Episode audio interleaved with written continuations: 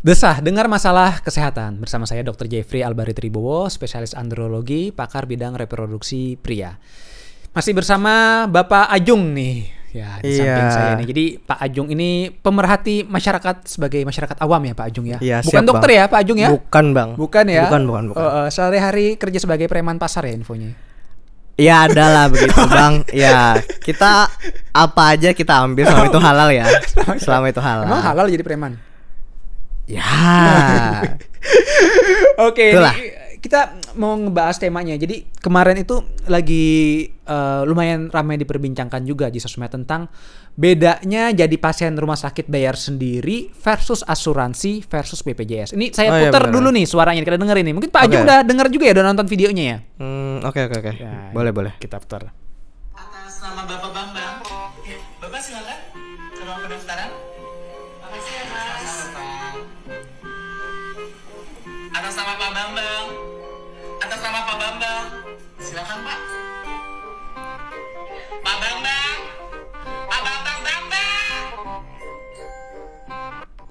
Nah, jadi itu sebetulnya cuman ya sketsa komedi gitu ya. Tapi Iya ya. komennya itu rame banget loh Pak Iya, Ajung loh. soalnya terlihat sekali ya mewakilkan masyarakat Mewakilkan banyak ya. Iya. Tapi masalahnya eh, komennya ini justru kontra dengan videonya itu loh. Jadi dia Oke, bilang kayak oke. gini, eh, jangan kayak artis-artis lah kalau bikin konten menggiring opini seakan-akan semua rumah sakit atau puskesmas begini pelayanannya.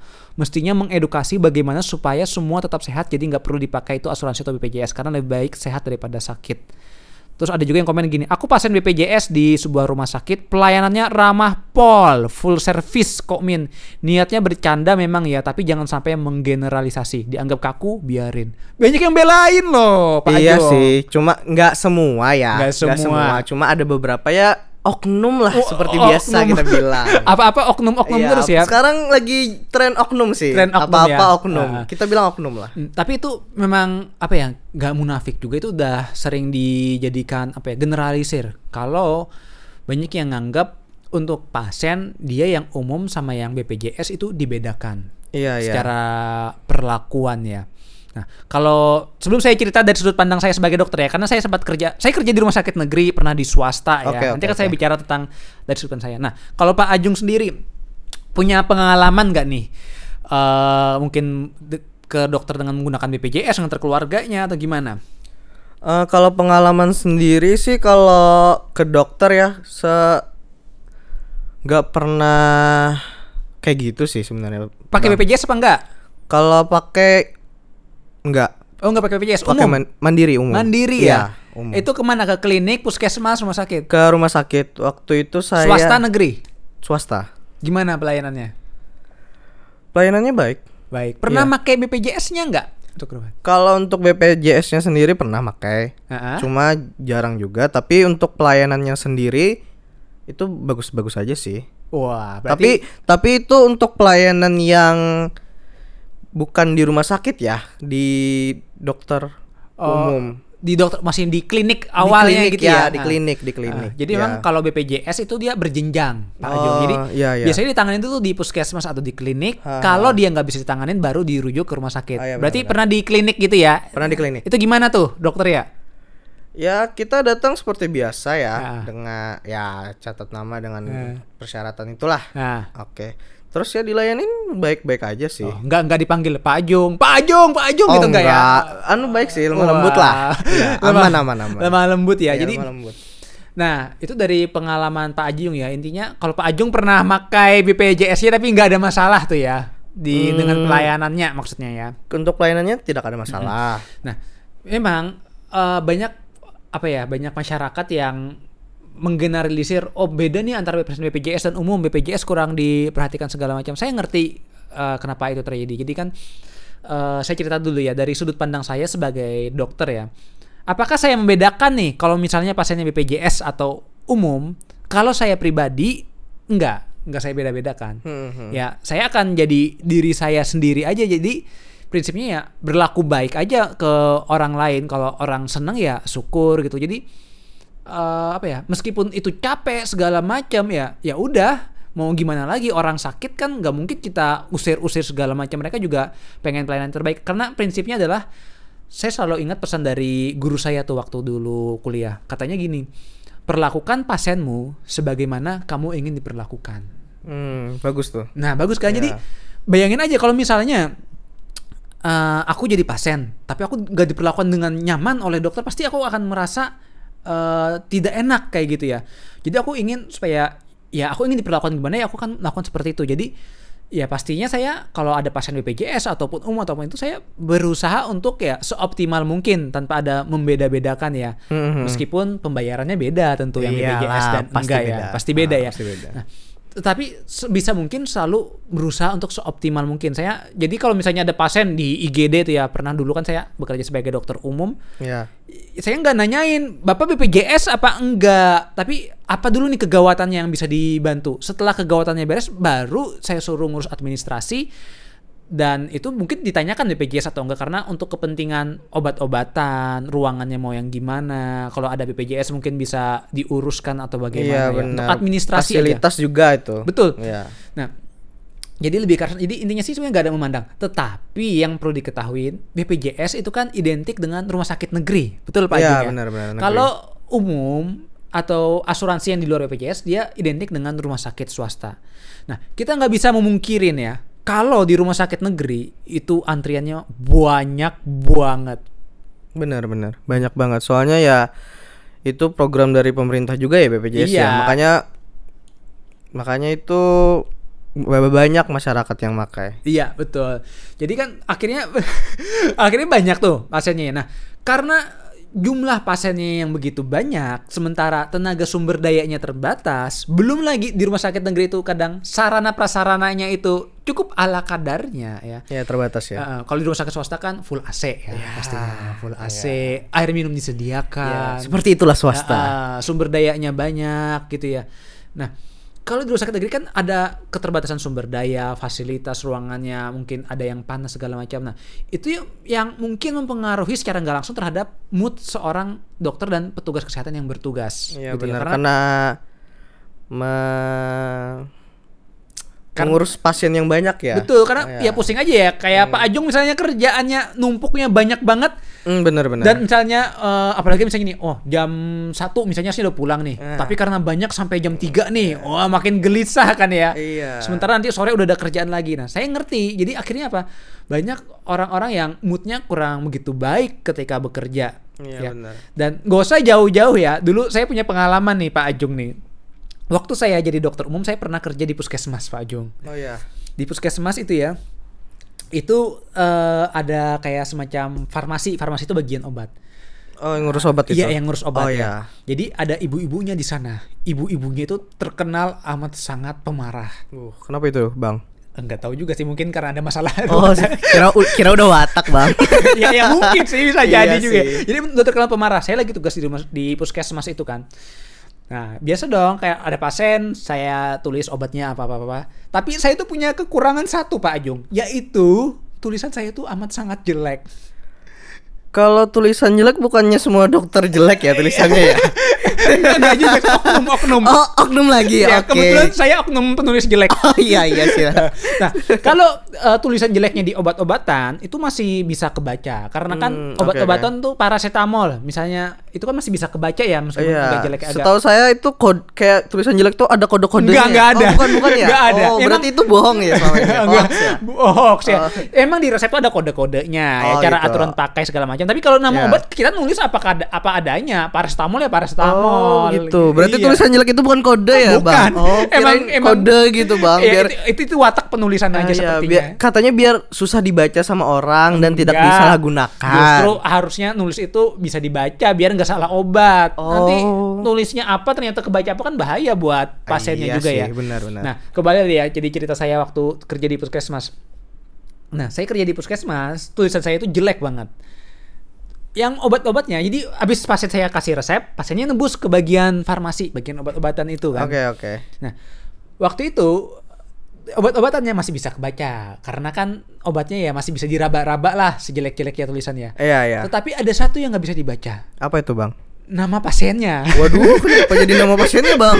ya karena kan nggak bisa dikira-kira dong. Oh iya. Kalau nama obat nggak jelas paracetamol par masih oh paracetamol Oh iya, itu set set oh cetirizine kalau nama pasien kan bingung ya sedangkan di Iya. bagian farmasi di puskesmas itu tuh dia harus ngebacain nama orangnya bapak eh, bapak Ajung atas nama bapak Ajung ambil obatnya Oh iya iya. karena benar, saya benar. udah berulang kali namanya itu nggak jelas dan sering kali dipanggil nggak nyahut saya itu didatengin sama.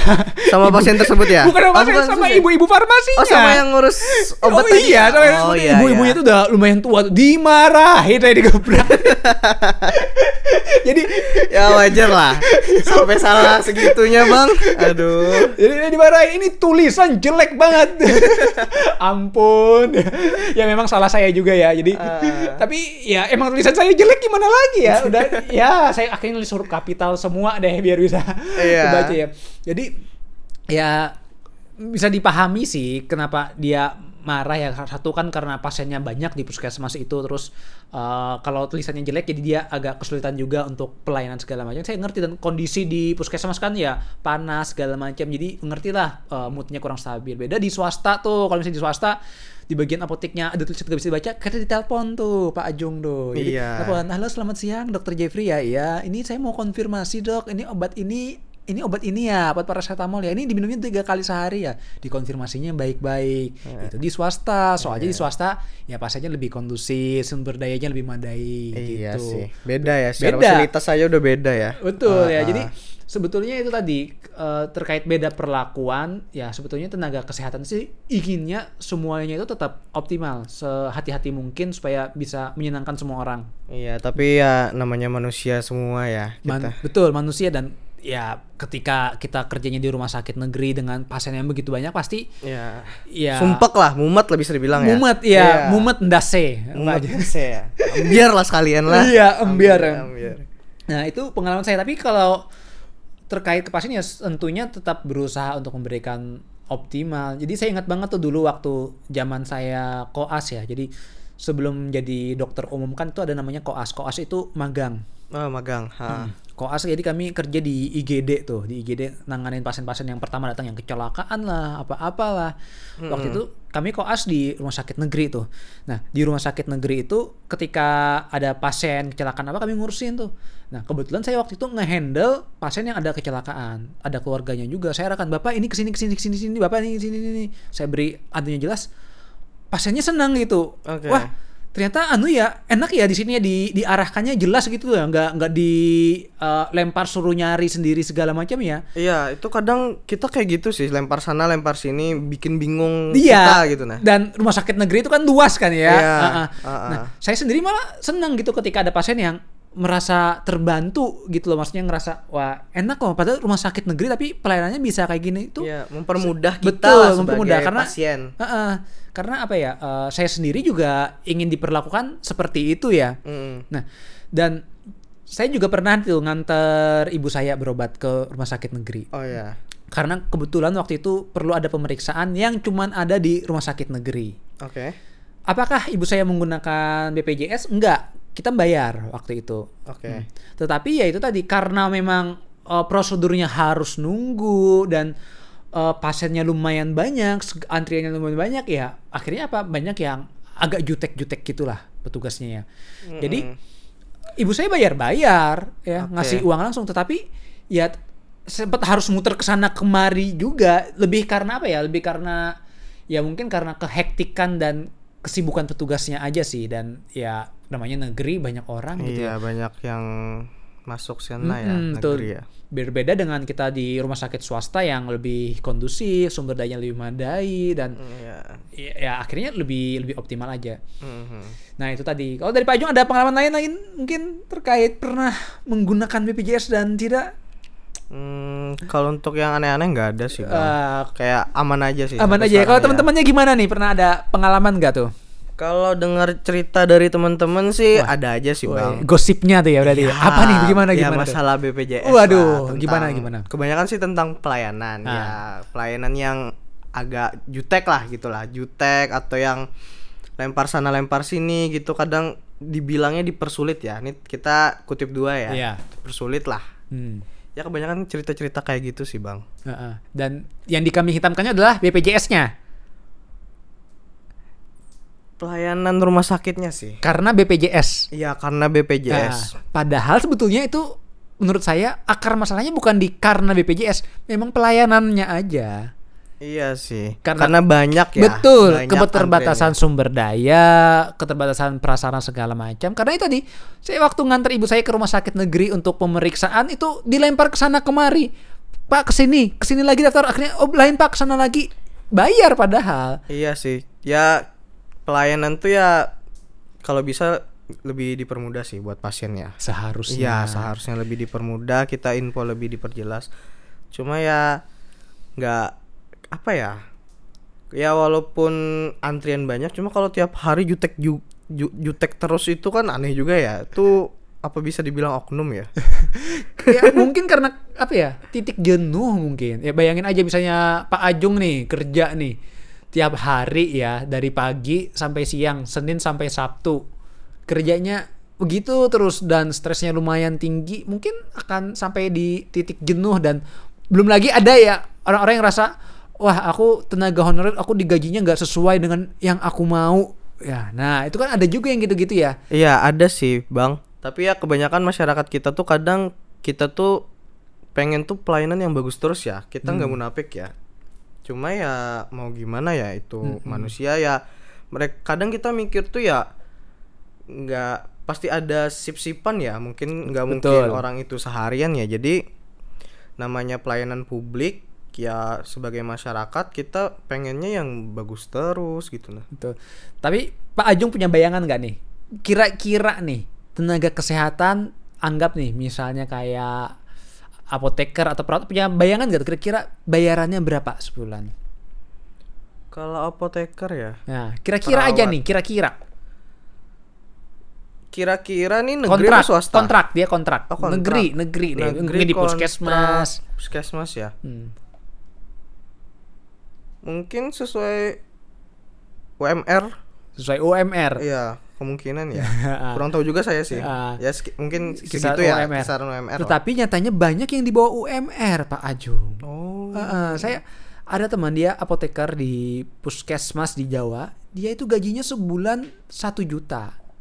satu juta Nah, dia honorer. honorer ya Dan jangan salah, bahkan ada juga loh eh, perawat-perawat ya. Dia itu eh, baru lulus karena kesulitan nyari kerja. Dia ibaratnya kayak magang gitu lah, kayak apa ya sukarelawan. oh ha, ha. Jadi ada yang bahkan nggak dibayar. Ada yang seperti itu loh.